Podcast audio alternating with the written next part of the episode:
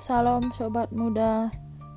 Berjumpa lagi dengan saya Jesse dalam renungan Youth for Jesus. Renungan kita hari ini ialah berbicara tentang dapat melihat. Markus pasal 10 ayat 51. Rabuni supaya aku dapat melihat. Dalam dunia berkendaraan dikenal satu istilah yang disebut dengan blind spot. Istilah itu merujuk pada suatu area yang tidak terlihat di sisi kanan dan kiri pengemudi. Blind spot itu terletak di antara pandangan nyata dan sudut pandang spion. Bisa jadi pengendara berpikir tidak ada kendaraan di sisi kendaraannya, padahal ada. Makin besar kendaraannya, area blind spot pun makin besar. Kurangnya kejelian atas blind spot itu telah menyebabkan banyak kecelakaan di jalan raya. Nah, suatu ketika para murid mengiring Tuhan Yesus menuju kota Yerusalem. Anehnya, mereka merasa sangat cemas dan takut. Mereka punya firasat buruk, khususnya soal pemuka agama yang sangat membenci sang guru. Tampaknya para murid terjebak di suatu area blind spot iman.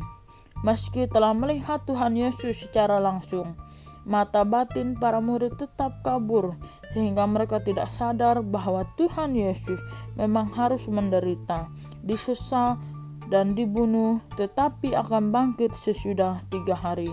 Di sisi lain dari ayat firman Tuhan, pada saat ini ditampilkan seorang yang buta fisik bernama Bartimeus yang ternyata celik mata batinnya. Meski tidak bisa melihat secara fisik, Bartimeus percaya bahwa Yesus adalah anak Daud yang kelak akan memerintah atas seluruh umatnya. Atas imannya itu, ia pun mengalami kesembuhan dan menjadi melek sepenuhnya, baik secara fisik maupun secara rohaninya.